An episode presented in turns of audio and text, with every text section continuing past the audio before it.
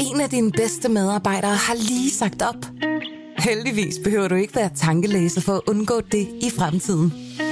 WinningTemp indsamler data gennem hyppige og anonyme medarbejderundersøgelser, så du lettere kan mærke pulsen på dine medarbejdere og støtte der, hvor der er behov. Kunder som Alfa Laval, Orkla og Volvo bruger allerede WinningTemp og ser, at det øger trivsel, reducerer turnover og hjælper med at fastholde talenter. Få gratis gennemgang allerede i dag på winningtemp.com. Du lytter til Radio 24 /7. Velkommen til Hitlers Æseløer med Jarl Kortua.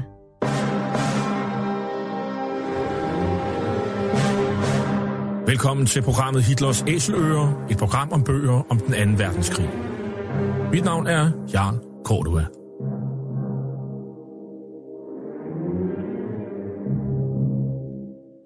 Den anden verdenskrig blev indledt den 1. september 1939 med den nazistiske Tysklands overfald på Polen. Der var tale om en racistisk erobringskrig, der kostede mellem 55 og 70 millioner mennesker livet, og hvor nazisterne systematisk myrdede jøder, romager, slaviske befolkningsgrupper, politiske modstandere og alle andre, der ikke lige passede ind i deres forestillinger om et ensartet folkefællesskab. Nazisterne de blev i årene efter krigen dømt ved krigsforbryderdomstolen i Nürnberg, og flere af deres organisationer, såsom nazistpartiet NSDAP, SS og Gestapo, de blev stemplet som ulovlige forbryderorganisationer. I den her serie, som vi har valgt at kalde for Hitlers Æsler, præsenterer vi nogle af de mange bøger, som i disse år udkommer om den anden verdenskrig. I det følgende spiller jeg et længere stykke fra dag 2 for krigsforbrydertribunalet i Nürnberg, det vil sige, det er den 21. november 1945. På anklagebænken sidder en række af de overlevende ansvarlige topnazister, blandt dem Hermann Göring, preussisk ministerpræsident og chef for Luftwaffe, Hitlers stedfortræder Rudolf Hess, udenrigsministeren Joachim von Ribbentrop og chefen for Værnemagtens overkommando, feltmarskal Wilhelm Keitel. De bliver nu hver især her af retsformanden, dommer Lawrence, bedt om at tage stilling til, om de er enten skyldige eller ikke skyldige i de anklager om krigsforbrydelser, som er blevet rejst mod dem. I will now call upon uh, the defendants to plead guilty or not guilty to the charges against them. Uh, they will proceed in turn to, the, to a point in the dock opposite to the microphone. Hermann Wilhelm Göring.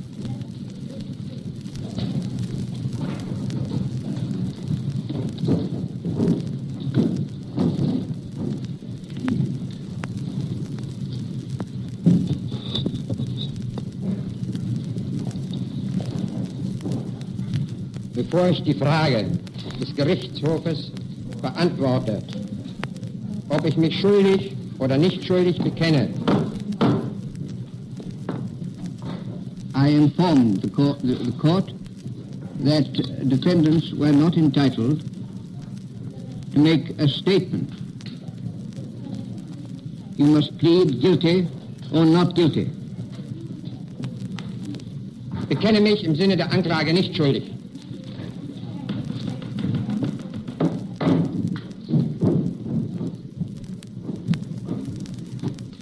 Rudolf Hess.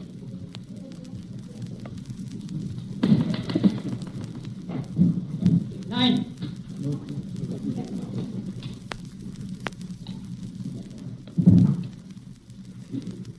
That will be entered as a plea of not guilty.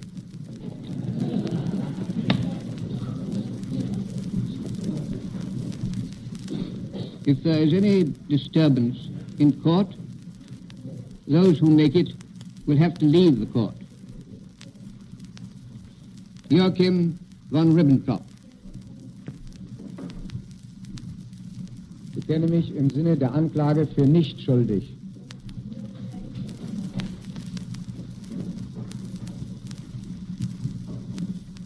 Uh, Wilhelm Keitel. Ich bekenne mich nicht schuldig.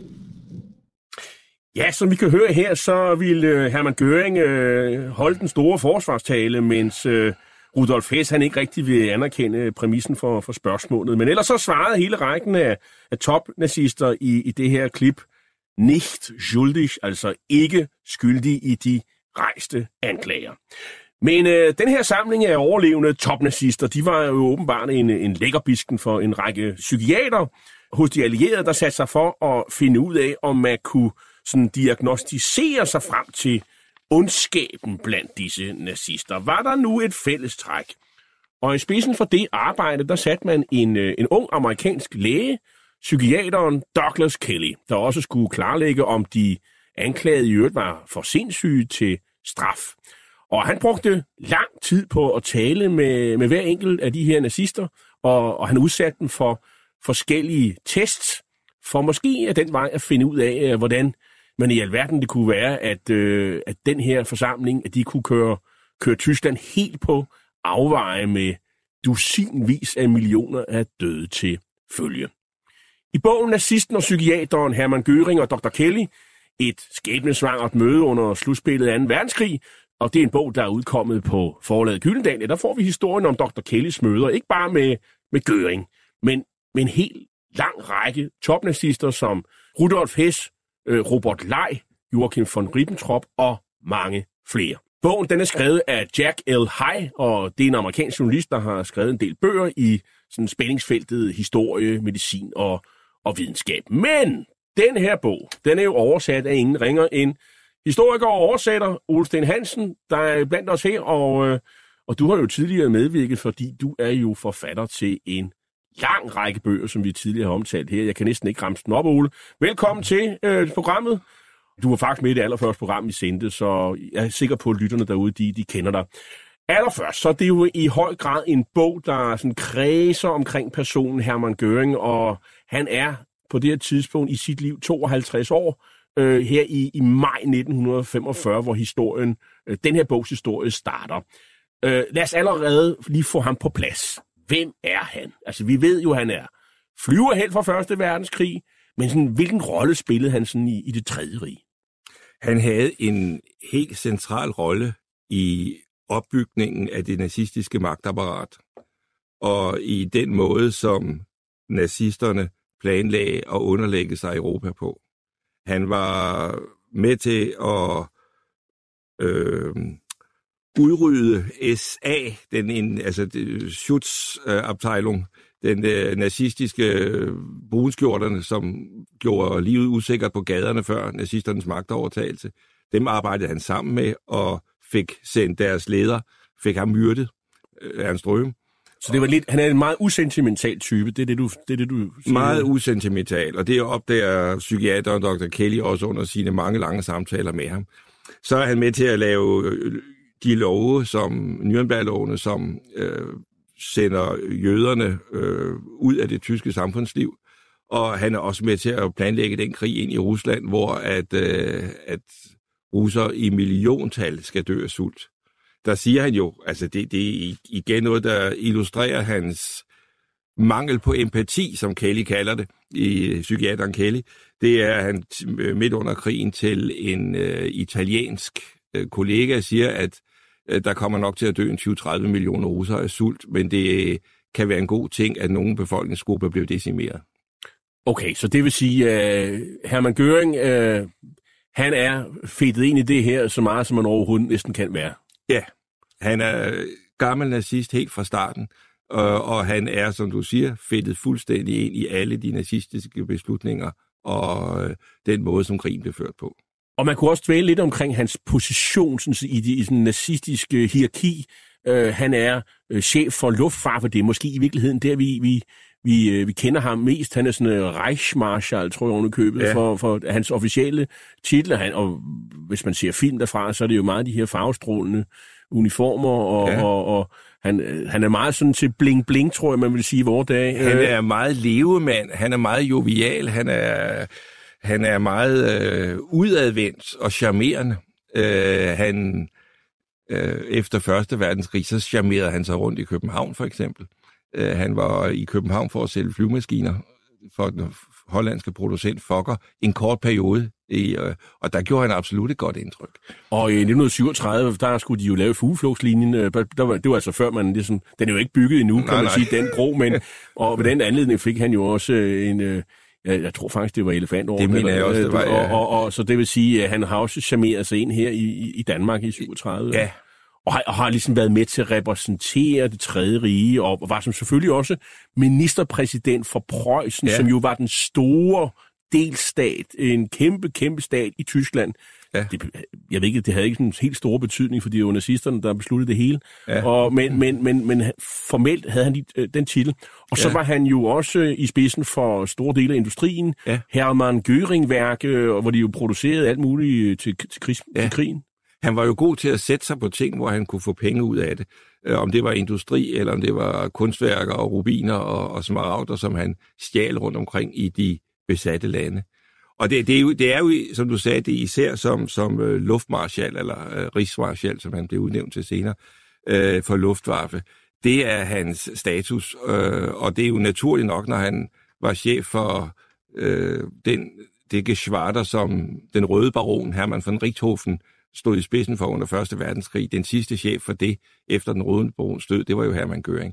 Så, så hans flyverbaggrund gør det naturligt, at han bliver chef for Luftwaffe. Og en, en, en geschwader, det er en, øh, en eskadrille. Det er en samling af eskadriller.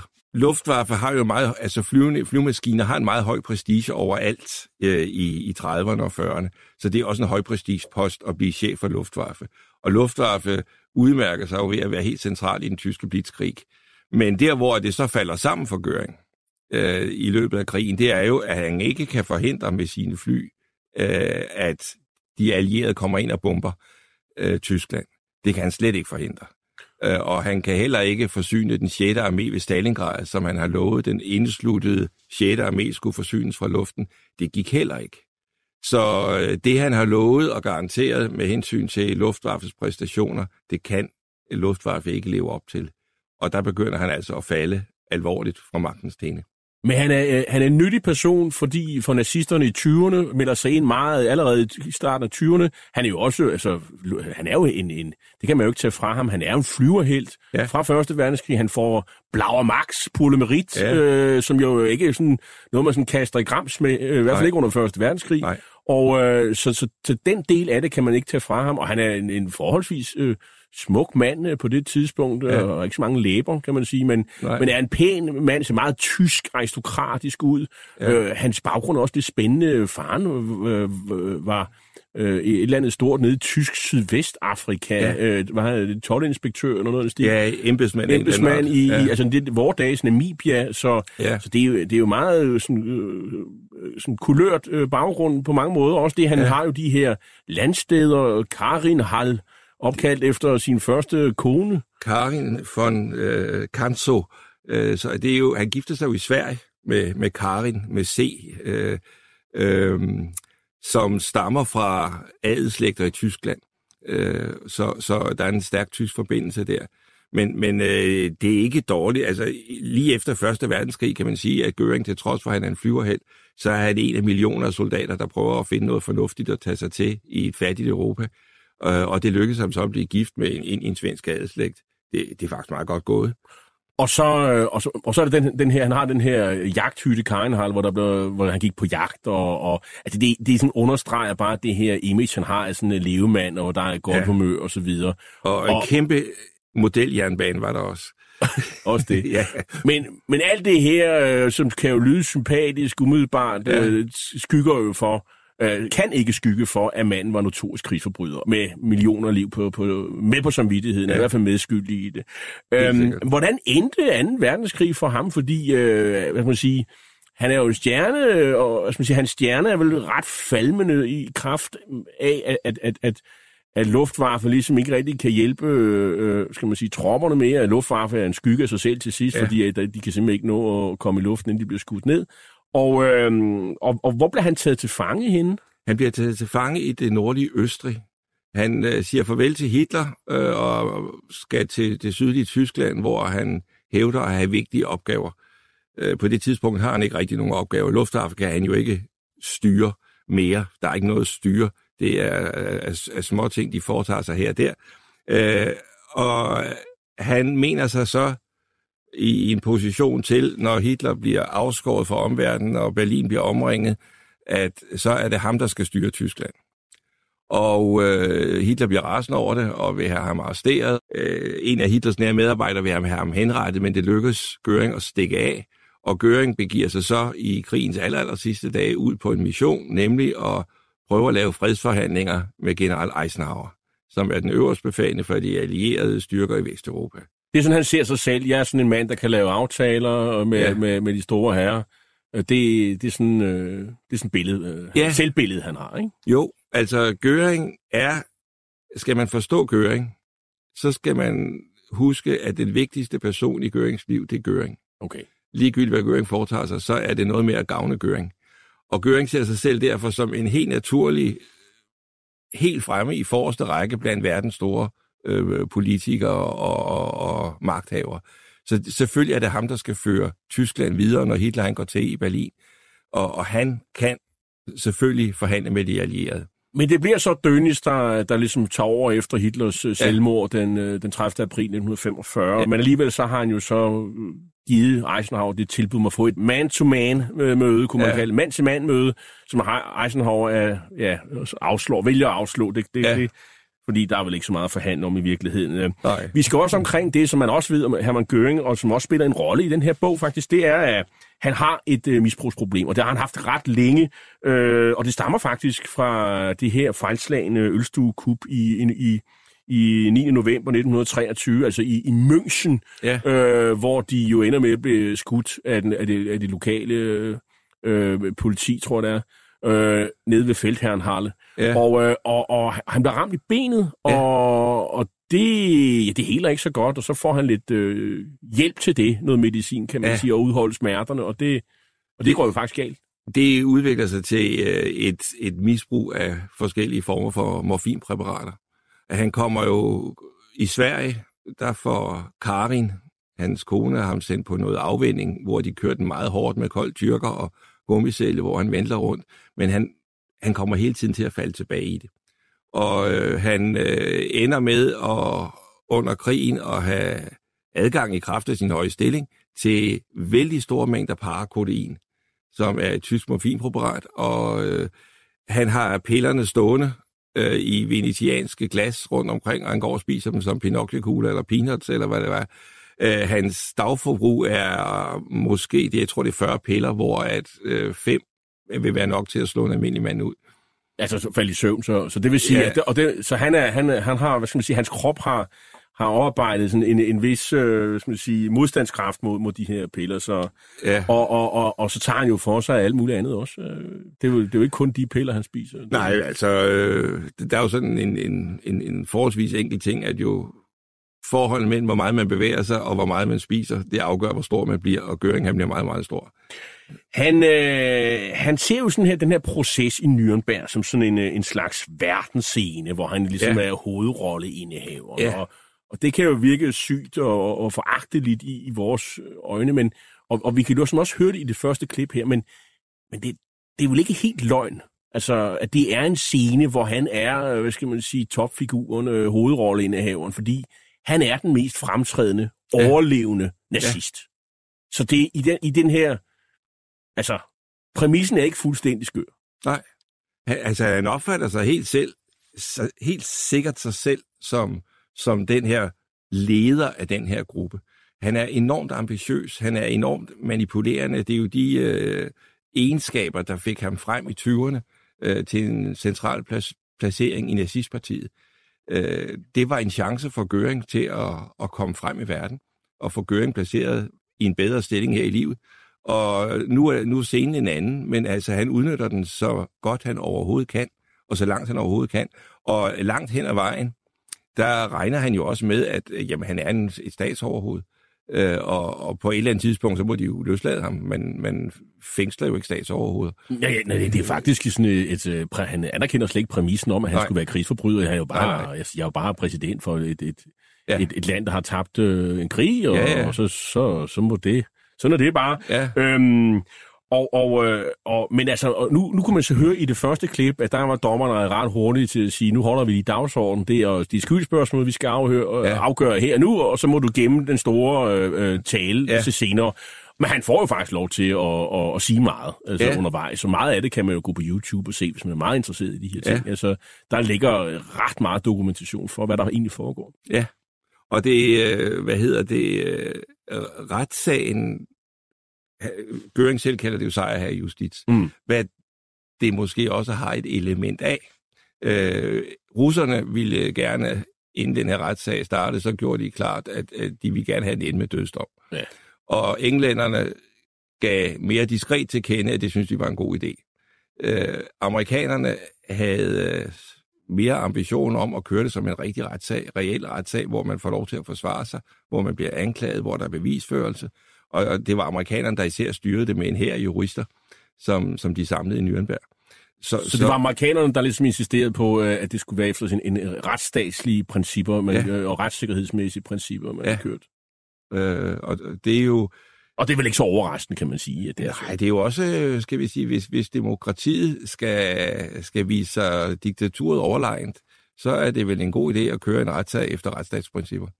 Vi skal også have præsenteret øh, en anden øh, person, jeg vil ikke kalde ham hovedperson, men han er i hvert fald en, en, en vigtig biperson i det her, ja. og det er nemlig øh, Dr. Kelly, ham her, øh, psykiateren. Øh, han, han, øh, ja, han er jo en ret ung mand, der har, der har læst medicin og, øh, og så uddannet sig til øh, psykiater, og han har jo så arbejdet med amerikanske øh, soldater, øh, altså op til det her, der har blevet sådan midlertidig øh, psykisk skade af krigen. De har ja. været udsat for nogle ret vold, voldsomme ting, invasioner og andre ting, og så, og så kommer de, øh, skal man sige, på kursus hos ham, øh, og, så, ja. og så på en eller anden led, så får han dem tilbage i, øh, i trøjen og er afsted igen. Ja, og det, øh, det er en ret ny ting. Øh, de, de her, hvad hedder den amerikanske hær havde i løbet af 2. verdenskrig fra Pearl Harbor til det var slut, så havde de faktisk 1,1 million tilfælde af invaliderende psykiske kampskader. Det som man måske kaldte granatchok tidligere. Og da den amerikanske her første gang var i krig øh, på den her side af Atlanterhavet, der var det nede i, øh, i Afrika, Nordafrika. Og øh, der var langt de fleste øh, kampskader, det var psykiske. Og langt de fleste af dem, der fik de psykiske kampskader, kom ikke i kamp igen. Så øh, de, de brød sammen. Og Kelly, han øh, indførte øh, nye former for behandling. Groft sagt kan man sige, at det er psykoterapi, hvor at, at øh, de her kampskadede, psykisk kampskadede soldater, de bliver samlet og får dels nogle foredrag, det får dels nogle samtaler, hvor de får at vide, det I, øh, den måde, I reagerer på, er fuldstændig normal. I er ikke sindssyge. I reagerer bare normalt på de voldsomme oplevelser, I har, og nu får I et varmt bad og noget god mad og slapper lidt af. Og øh, øh, i løbet af nogle uger med samtaler, hvor at tingene ligesom plads, falder logisk på plads for soldaterne, jamen sådan må det jo være, så viste det sig langt de fleste kom tilbage igen. Så, øh, og vi snakker om helt op til 95 procent. Så Kellys behandling, som han indførte, og som han så uddannede andre psykiatere i at, at benytte over for psykisk kampskadede soldater i Europa, det gjorde faktisk, at den amerikanske her havde jo mange, mange flere soldater, de kunne sende tilbage til fronten, end de ellers ville have haft. Det er jo kæmpe fremskridt. Og det, er, og det er lige præcis i de her år, det her det blev udviklet. Ja, det er det. Og det er jo så, Kelly han stiger jo så øh, i graderne inden for det her psykiske øh, felt af, af den amerikanske her. Øh, det er et psykiske felt, øh, det arbejde, og han bliver den psykologiske rådgiver for den amerikanske her. Så da amerikanerne får brug for en psykiater til at, at kigge efter de her nazister, så er han et naturligt valg. Og, og det, det, de vil have ham til, det er for det første i en overensstemmelse med retsstatsprincipper og sikre sig, at de er øh, psykisk sunde, så man kan stille dem på en retssag, mm. at de ikke er sindssyge. Øh, og dernæst sørge for, at de i den periode, hvor de er indspærret, inden retssagen øh, kommer i gang, og mens retssagen kører, og holde dem psykisk sunde. Det er den amerikanske hærs øh, målsætning, øh, og det er det, de ønsker, Kelly skal, skal levere, kan man sige. Men han er jo så også sådan en, der ligesom kan, man kan være sådan, han er sådan en forsker i sådan et, et meget unikt øh, laboratorium eller miljø, ja. hvor han jo sådan kan, kan studere de her nazister, og så, og Altså, der er sådan en, en måske sådan en, en hypotese om, at sådan, at nazisterne, det, det er nogen, der lider af en, måske en sygdom, en anden, måske er de sådan, øh, sådan psykisk afvigende på en eller anden led. Er der en særlig personlighed, som de har? Øh, og øh, har de udviklet en eller anden teknik til at, at få øh, den politiske magt i et land, og, og i øvrigt også bevare den? Øh, og, og det er sådan noget, man, han prøver på at finde ud af. Og, øh, og det der med, med skyldspørgsmålet, altså som jo, det er jo sådan noget domstolen i Nürnberg ja. tager sig af. Det er ikke Kelly, der, der finder ud af det. Altså, Nej. Så han er ikke interesseret i, om de er skyldige eller ej, fordi det er sådan set, det er noget, domstolen skal fastslå. Så, ja. det, så det er det, der er perspektivet her. Altså han sidder ikke og snakker med dem for at, øh, for at finde ud af, om de er skyldige eller ej, fordi det er ikke Nej. det, der interesserer ham. Altså, skal man sige det meget kort, så leder han efter det, man kunne kalde den nazistiske personlighed eller nazigenet, øh, nazigenet eller eller eller det onde. Ja. Øh, om om der er sådan et et specielt ondt fællestræk i deres personlighed. Og, og det er hans private dagsorden, som han jo egentlig øh, offrer betydeligt mere tid på end den officielle. Øh, og han viser sig, og, og han kalder det jo selv laboratorium. Han har alle sine forsøgsdyr indspærret, øh, fri adgang til dem, og øh, de har det ikke særlig morsomt, nazisterne, der er indspærret, fordi de har næsten ingenting at lave. Så de vil meget, meget gerne snakke med nogen. Ja, han er sådan øh, et, øh, som sige, et, et meget velkommen tidsfordriv. Ja. Altså, det, altså adspredelse vil nok nærmere kalde det. Ja, ja, og de vil også, det, det, det erfarer han jo også, de vil meget gerne snakke om de andre. Øh, når nazisterne snakker om sig selv, så er der som regel i, i ret rosende toner. Øh, når de snakker om de andre, så er de meget hurtige til at fremhæve alle deres dårlige træk. Og, øh, men før at man når til Nürnberg, så bliver øh, Hermann Göring og, og mange af hans, øh, hvad kunne kalde dem, partifælder eller kolleger, de bliver sådan øh, medskyldige nok nærmere. Øh, de bliver sådan installeret på et hotel i, i Luxembourg, øh, og det gør de allerede den 20. maj øh, ja. 1945. Kodenavnet hedder Ashcan, ja. og øh, hvis man kalder det engelsk, så, så, så, så det betyder det betyder, det hedder aske, aske, askebæger. Askebæger, ja, eller askespand. Det er sådan lidt øh, som sige, syg humor, når man tænker ja. på, hvad de har lavet. Og, ja. og, og, øh, og det er så øh, Storadmiral Karl Dönitz, han er altså Nazi-Tysklands sidste statsoverhoved. Han er ja. også i, i blandt på det her tidspunkt. Hermann Göring, han er iført luftmarskal-uniformen, øh, og han har et dusin monogrampræget kufferter og en stor hatteæske. Øh, og han har jo også sine kammertjener med, og altså, han, altså, han ankommer standsmæssigt, kunne ja, man sige, til det. det gør han. Og med rubiner og ædelstener også. Og et, øh, et kæmpe stort kontantbeløb i, i Rigsmark. Det kan, ja. Man kan ikke købe så meget for Rigsmark på det her tidspunkt, men, øh, det, men ikke desto mindre. Og, øh, og så har han... Men altså, de, øh, altså, altså han, de har så taget hans øh, rubinbesatte marskalstav fra ham, og det er ja. han jo så lidt ked af, kan man sige. Ja. Så det, der, altså, han, det er ikke sådan helt statsmæssigt. Men ellers så, øh, så kommer han, og han har vel en forestilling om, at det, det, det, det, det kan han sådan så bare køre videre med hele, hele vejen. Ja, altså jeg, jeg tror, Gøring Göring er meget skarp intelligent, så, så øh, der er nok ingen, der ved præcis, hvor hurtigt det går, men, men han finder nok ud af, at lige nu er det skidt. Øh, og så som månederne går, så finder han ud af, at det er nok endnu mere skidt, end det lige så ud for et par måneder siden. Men altså, øh, det fængsel der, eller fængsel, det er jo altså et, et, et hotel, det er jo blevet ribbet for al luksus øh, og øh, hvad hedder det, øh, øh, de har en meget øh, kontant amerikansk øh, officer til at styre fængslet, og han er overhovedet ikke imponeret af de her nazister, eller deres stand eller rang. Øh, han synes, øh, at det er ganske forfærdeligt, hvad de har bedrevet, og han be- behandler dem som helt simple fanger, og noget af hans vigtigste øh, opgave, det er at sikre, at de ikke begår selvmord.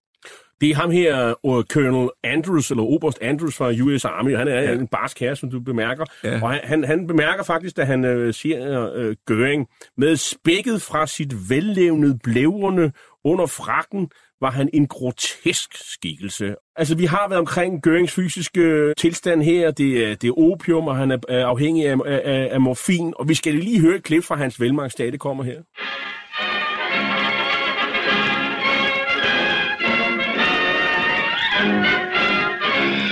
Berlin presents a scene of almost royal pomp on General Goering's wedding day. Adolf Hitler, one of the witnesses or best men, arrives at the city hall for the civil ceremony.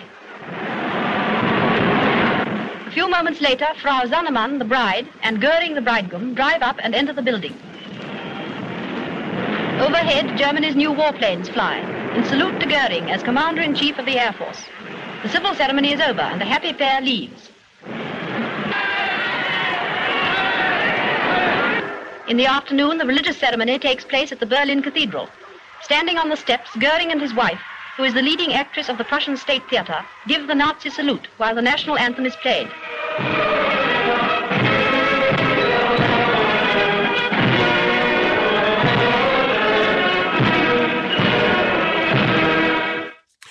Ja, det var så velmagsdagene med Hermann Göring, og hvor han blev så gift anden gang. Øh, og det er så overstået nu, og nu bliver han så nedtrappet for det her parakodin. Han, han går og spiser øh, 40 piller, var han på om dagen. Og øh, nu skal han øh, ned på 18 piller om dagen, og så, øh, ja, så bliver han stille og roligt afgiftet, afmagret. Øh, men han fremstår stadigvæk ret selvsikker og som en, en dreven magtspiller. Øh, han er snakkesalig, og på sin psykiater, Dr. Kæle, der virker han øh, faktisk meget øh, fascinerende. Øh, Kelly, han, øh, han taler med ham, øh, allermens de er i Luxembourg, og han, han, øh, ja, han kommer til den konklusion, at Hermann Göring, han er fuldstændig ligeglad med alle andre mennesker, bortset, bortset fra sin nærmeste familie og sine venner. Og Kelly, han er, han er simpelthen øh, fascineret af Hermann Görings hensynsløshed med hensyn til at føre politik ud i, i livet. Og, han, øh, og Göring, han koketterer også med, at han er sådan, han tror ikke ret meget på det der nazipropaganda, for eksempel det her med, at ikke-arier var undermennesker. Så det siger han så, ja, det var jo god propaganda. Ingen troede da på det sludder. Og, øh, og, og Kelly konkluderer, at han har en total mangel på moralske værdier, og på et tidspunkt så øh, skal Kelly også øh, øh stå, stå model til, at øh, Göring han vil simpelthen øh, forære ham en smaragdring til anslået en halv million dollars. Øh, det fik han så ikke lov til. Det endte med et, et, et signeret foto. Øhm, der synes jeg også lige, der er en, der er en pointe der øh, i forbindelse med det her foto, fordi Kelly kan jo ikke tage imod en, en som embedsmand i den amerikanske, kan han ikke tage sådan en, en gave, øh, som i øvrigt er stjålet et eller andet sted i Europa. Så det er jo 20 koster. Men øh, øh, at Göring så siger, at du kan få noget, der er lige så godt som en halv million dollars, det er et billede af mig. Sondern ich wollte zur Wolga kommen. An einer bestimmten Stelle. An einer bestimmten Stadt. Zufälligerweise trägt sie den Namen von Stalin selber, aber denken Sie nur nicht, dass ich deswegen Du lytter til Hitlers Æseløer på Radio 24 Et program om bøger om 2. verdenskrig med Jarl Korva. Und wissen Sie, wir sind bescheiden. Wir haben ihn nämlich. Es sind ein paar ganz kleine Plätzchen noch da. Nun sagen die anderen, warum kämpfen Sie da nicht? Weil ich kein zweites Verdun machen will, sondern weil ich das lieber mit ganz kleinen Stoßdrucks mache. Die Zeit spielt dabei keine Rolle. Es kommt kein Schiff mehr die Wolga hoch. Das ist das Entscheidende. Og i dag der taler vi om bogen Nazisten og psykiateren Hermann Göring og Dr. Kelly, et skæbnesvangert møde under slutspillet af 2. verdenskrig, som er udkommet på forlaget Gyldendal. Bogen er skrevet af den amerikanske forfatter Jack L. Hay og oversat af Ole Sten Hansen, der er med mig her i dag. De indsatte, kan man sige, alle de her nazister, der er blevet samlet i Luxembourg, de vil alle sammen tale. Øh, faktisk så er det sådan, at psykiaterne, fordi efterhånden så, så leder Dr. Kelly jo et helt hold øh, af psykiater, øh, de, de synes nærmest, at der er problemer med, med nogle af dem at få dem til at holde mund. Øh, så, øh, så villige er de faktisk til at snakke, ikke mindst om, om, om de andre. Og Dr. Kelly har jo også nogle observationer, for eksempel Alfred Rosenberg, som var øh, en øh, partiideolog, som skrev nogle, øh, nogle tykke bøger, som øh, ikke så mange er så begejstrede for eller, øh, eller anerkender. Han var, han var sådan optaget af racerenhed, og Kelly han bemærker, han var et intellektuelt sluderhoved, en leverandør af toget nonsensfilosofi, kunne i mange tilfælde ikke fuldende sine sætninger eller føre en tankerække igennem. Det er sådan meget klinisk observation, ja. han, han tager her. Øhm, der er også sådan, øh, som siger, altså, mange andre psykiater, læger og psykoanalytikere, der vil tale med de her nazister. De kommer faktisk også til det her hotel i Mondorf i Luxembourg, og, øh, og, øh, og det er selvfølgelig den her nazistiske personlighed, der kan forklare de afskyelige handlinger, øh, som er øh, intra, øh, øh, øh, øh interessante. Det er hemmeligt, hvor topnazisterne er placeret, Øh, og på det her tidspunkt, der begynder Hermann Göring jo at brokse over forholdene, som han jo ikke mener er i overensstemmelse med Genève-konventionen. Det er jo, der er jo øh, Genève-konventionens standarder for fanger af hans rang. Det er jo ikke noget, som, de, som nazisterne i øvrigt er gået særlig meget op i med hensyn til Genève-konventionen, så det kan godt være lidt underligt, at han pludselig går op i det her. Øh, nazisterne var jo også forarvet over, at, at øh, allierede bombede tyske byer, men nazisterne havde ingen problem med, at nazistiske fly bombede allierede byer. Altså, det, det er, der, der er ingen almindelig moral i det her. Der er ikke nogen parallelitet Nej. i deres univers. Øh, det, det er jo sådan et, altså, det er et hotel, men det luksuriøse interiør, det er så fjernet. Men øh, det skal jo ikke gøre, at, at, at journalister og andre stadigvæk øh, kan skrive øh, og, og, og lave farvende reportager om det her. Øh, øh, der bliver skrevet om, at, at de får overgangsvin og fin mad, og det hele bliver serveret på, på sølvservise. Og det er sådan en historie, som øh, kommunisterne i hos Radio Moskva øh, øh, forsøger at, at, at piske sådan en stemning op, og der må ham her, øh, Oberst Andrus, han må simpelthen fremvise en kvartering for pressen, ja. fordi at, øh, det er simpelthen ikke det, der, det handler om. Men i hvert fald, øh, konklusionen er, at de må flytte øh, alle de her mennesker til Nürnberg, og øh, også fordi det er der, at øh, processen skal finde sted. Og det sker den 12. august, der bliver de hentet og sat på et transportfly, et C-47 øh, transportfly, og, øh, og mens de var oppe at flyve der, der, der, der, der vil Gøring naturligvis have lov at se cockpittet. Det går han jo meget op i. Det er naturligt for en pilot.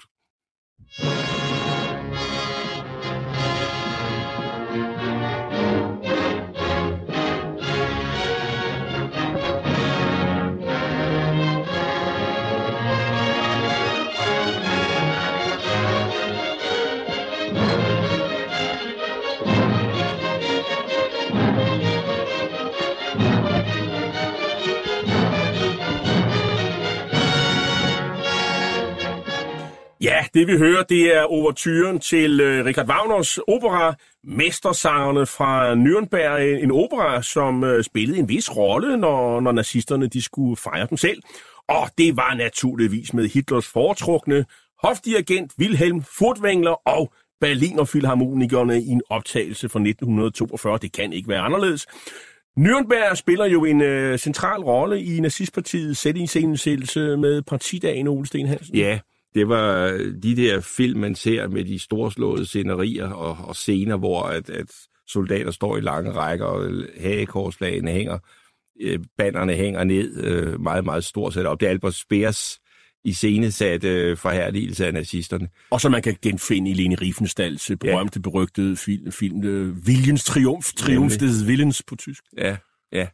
Så øh, Nürnberg spiller en stor rolle for nazisternes, skal vi sige, selviscenesættelse, og derfor er det jo også en oplagt by, når man nu vil give dem et hak i tuden og straffe dem for, hvad de har gjort, at man understreger, at nu er det ikke jer, der bestemmer længere. Men øh, Nürnbergs øh, tid som gloværdig partiby øh, by, eller by for partidagene, den er jo overstået, fordi ja. det er 2. verdenskrig også øh, gået ud over Nürnberg. Ja, Ligesom så mange andre tyske byer, så har den været udsat for voldsomme bombardementer. Der har også været kæmpe noget i den.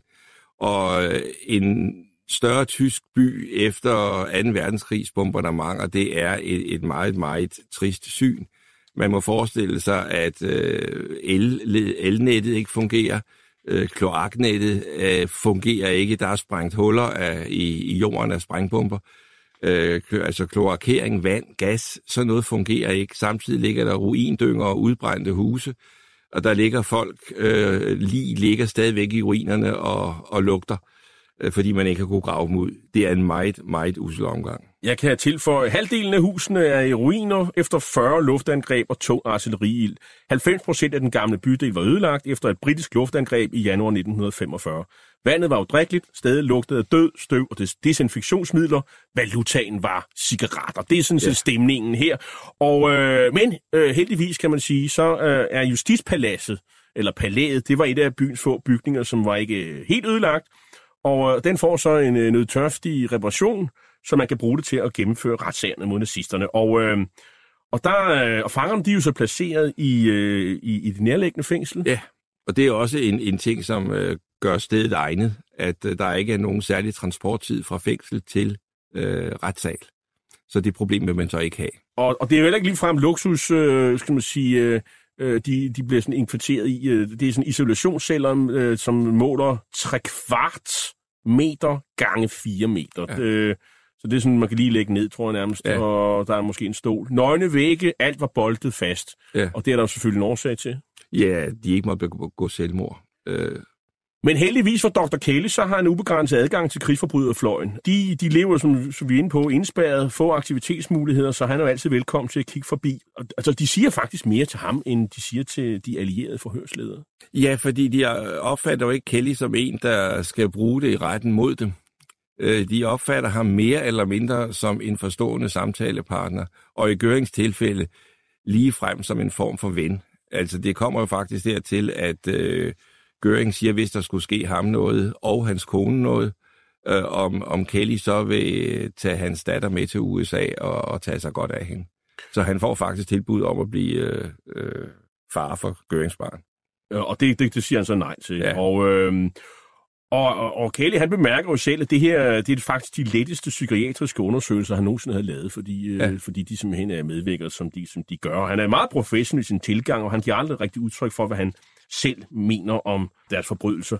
Og så udsætter han jo fangerne for det, der hedder en Rorschach-test. Ja. Og, og hvad er det?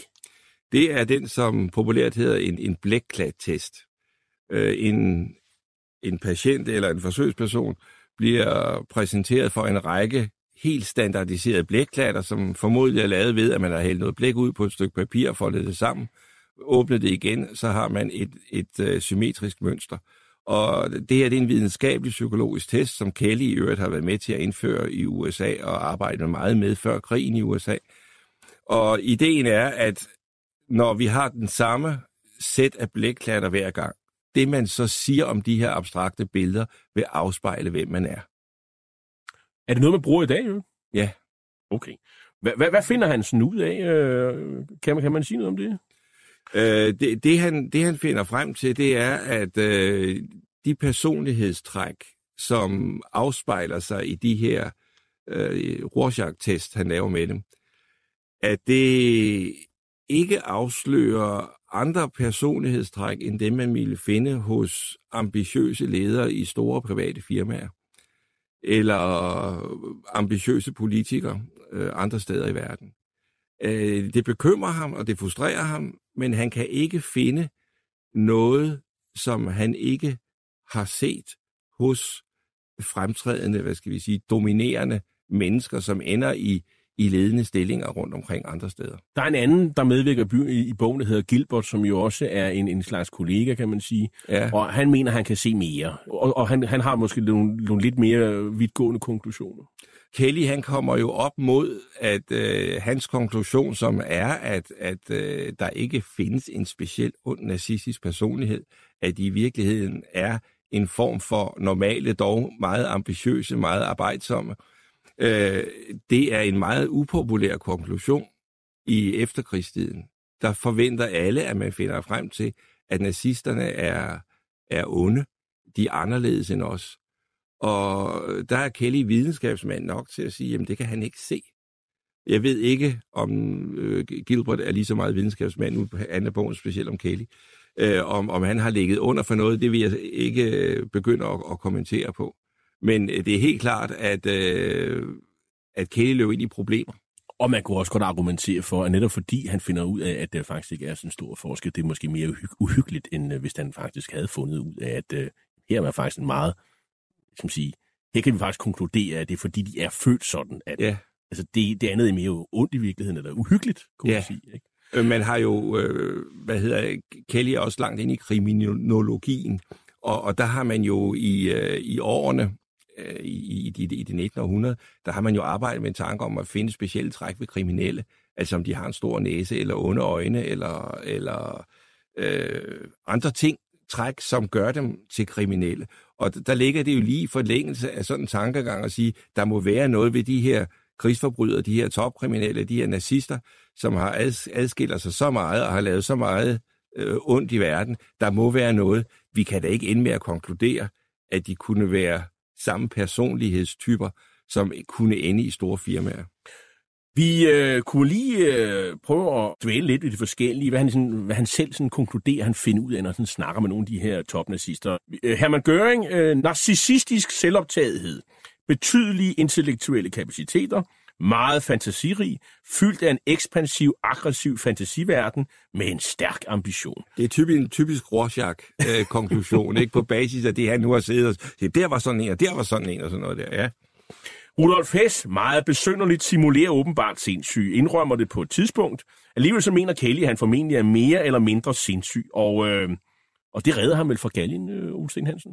Ja, det, det, det, det tror jeg, man må sige, det er det, der gør det. Og han ender med at få øh, selvfølgelig et livsvarigt øh, fængsel og dør øh, i øvrigt øh, ved selvmord tilbage i, jeg tror det er 1987, han dør til sidst. Ja. Øhm, så er der øh, ham, der hedder øh, Deutsche Arbejdsfrontlederen Robert Ley.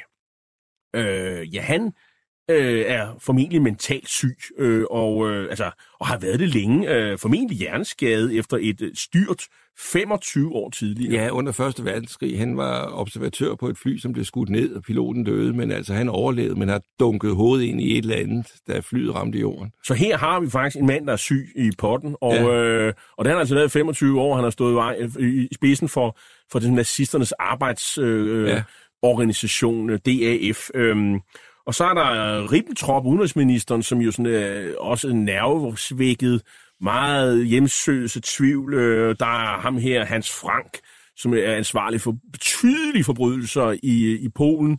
Øh, generalguvernementet, hvor han jo sad på slottet i, i Krakow, tror jeg det var, og, og bestemte øh, øh, over liv og død. Øh, og han søger så tilflugt i, i religionen og bliver øh, katolik.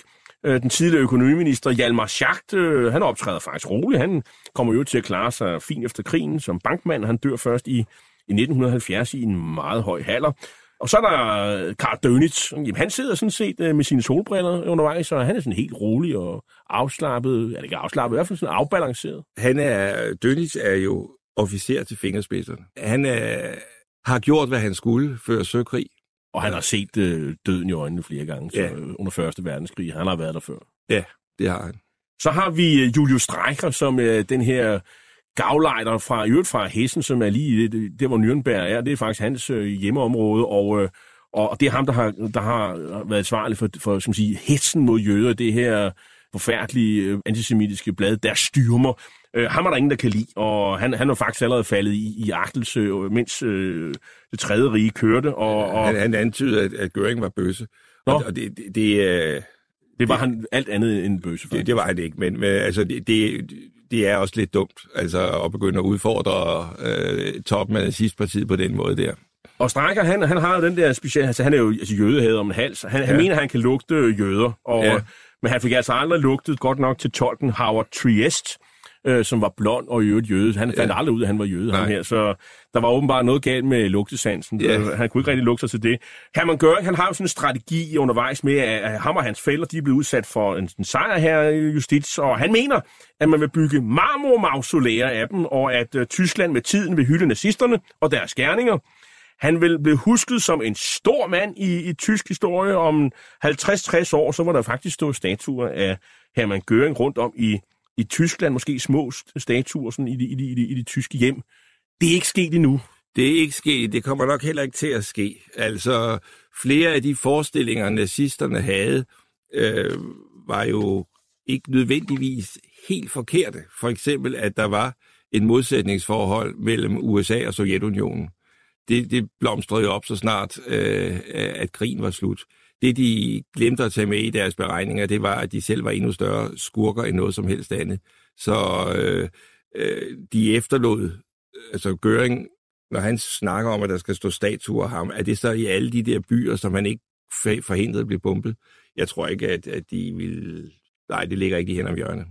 Og man kan så sige, øh, det hele, som siger, bunden øh, går ligesom ud af forsvaret her, da der på et tidspunkt blev vist en, en film, øh, altså hele retssagen fra befrielsen af koncentrationslejrene. Ja. Og der er det, det går op for toppen nazisterne, det her, det bliver altså øh, svært at tale sig ud af. Bevismængden er overvældende, og alligevel så bedyrer de deres uskyld. Ja. Øhm, og, og, og, og så, øh, og vi har været omkring konklusionen med hensyn til den psykologiske profil, øh, ved, hvor topnazisterne, de er forbavsende normale. Ja. Ambitiøse, øh, overbeviste om deres egen storhed, men det er øh, mange andre mennesker også. Hermann Wilhelm Göring, on the counts of the indictment on which you have been convicted, the tribunal sentences you to death by hanging. Joachim von Ribbentrop, death by hanging. Fritz Sauckel, death by hanging. Julius Streicher, death by hanging. Wilhelm Frick, death by hanging. Hans Frank, death by hanging. Alfred Rosenberg, death by hanging. Wilhelm Keitel, death by hanging. Ernst Brunner, death by hanging. Ja, det vi hører her, det er domsafsigelsen den 1. oktober 1946, hvor en række dødsdomme bliver øh, bekendtgjort. Og, og, og dommen, den er jo, altså de fleste, de bliver jo, øh, de bliver simpelthen øhm, øh, dødsdømt, og der er kun tre, der bliver frikendt. Resten, de får langvarige øh, fængselsstraffe, og Hess, han får øh, livstid. This is Arthur Gates reporting from Nuremberg for the Combined American Network. I was an eyewitness to the execution of the wilted, spoiled flower of Nazism, but I only saw ten Nazis die. Wilhelm Hermann Goering, guilty on all four counts, the man whom Justice Jackson described as half militarist and half gangster, escaped his fate of hanging by committing suicide at 10:45 last night, less than three hours before he would have been executed. Ja, her i reportagen kan vi høre en amerikansk journalist, der altså har overværet hængningen af 10 nazister, og han beretter så at, øh, om, at øh, halvgangsteren, som man kalder ham, Hermann Göring, altså snød bødlen kun tre timer før han skulle henrettes. Og, og øh, ja, han har jo Hvordan, hvordan er det kommet til at ske, øh, Ole Sten Hansen? Han har haft en syrenkaliumpille gemt.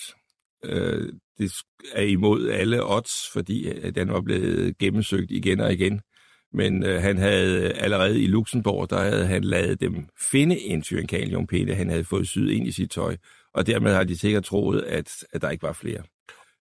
Og han er venlig til at efterlade et brev til øh, Andrews, øh, den amerikanske oberst, om, at han skulle altså ikke lade det gå ud over fangevogteren, fordi han Nej. vidste det ikke. Så Nej. Det, det, det hensyn viste han faktisk. Ja, og, og fremhæver sig selv som rigtig, rigtig dygtig til at gemme den samtidig. Og, øh, og før domsafsigelsen, der har Kelly faktisk forladt Nürnberg, og, øh, og inden da, der græder Henry, øh, Hermann Göring faktisk ved den lejlighed. Han, han savnede ja. ham, han synes, det var trist. Øh, Kelly, han øh, synes, at Hermann Göring er en tryllekunstner mere end en kujon, øh, der, der tog sit eget liv. Han anerkender nærmest det her det viste, hvor genialt begavet han var. Han endte som de andre store tyske nazister ved at dø for egen hånd. Og det mente Kelly var heroisk efter tysk tankegang. Det er måske sådan lidt specielt og, og, og synspunkt at have, øh, og, og det kan godt undre lidt, at han øh, skal man sige, synes, det er stort, at man begår selvmord. Her kan man undre sig lidt over, eller man kan spekulere lidt på, hvor fascineret blev han egentlig af Göring. Øh, måske blev de for gode venner, jeg ved det ikke. Ribbentrop, han øh, optræder værdigt hen mod galgen. Selv Julius Streicherne vidste når at råbe Heil Hitler, han, lige før han drager sit sidste suk. Og der er nogle læger, der vil undersøge nazisternes hjerner. Det får de ikke lov til. Og, og Line, ja, hvad sker der med Line? De bliver brændt i koncentrationslejren Dachau nede ved München. Og så bliver deres aske spredt ud i en flod, står der i bogen. Og jeg går ud fra, at man har holdt det diskret, hvilken flod der var tale om. Fordi man vil ikke have nogen mindesteder, hvor at øh, nynazister kan mødes og, og hylde øh, de gamle banditter. Kelly han tager til USA, øh, han har været længe væk fra kone, han skriver en bog på et tidspunkt, og, og, og ja, han bliver psykiater igen, og så ender han faktisk med at begå selvmord på samme måde som Hermann Göring. Han tager gift. Han tager den samme slags gift. Han øh, lever et enormt stresset liv. Han er enormt ambitiøs. Han er aldrig tilfreds med det, han opnår. Og han opnår kolossalt meget også en masse tv-optræden. Øh, og så plager det ham altså, at han ikke fandt øh, den der nazistiske personlighed.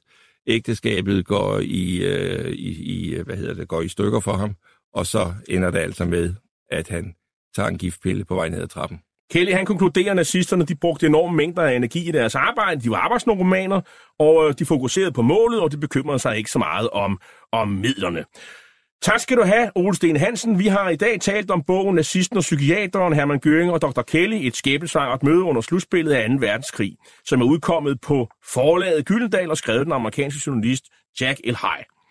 Hitlers Æsler er slut for i dag. I teknikken sad Jens Marot, og jeg hedder Jarl Cordua og vært og tilretlægger programmet. Du kan genhøre dette program og de andre programmer i serien som podcast via radio247.dk. Til sidst skal vi høre musik fra filmen Der Undergang med Stefan Zacharias. Tak for i dag.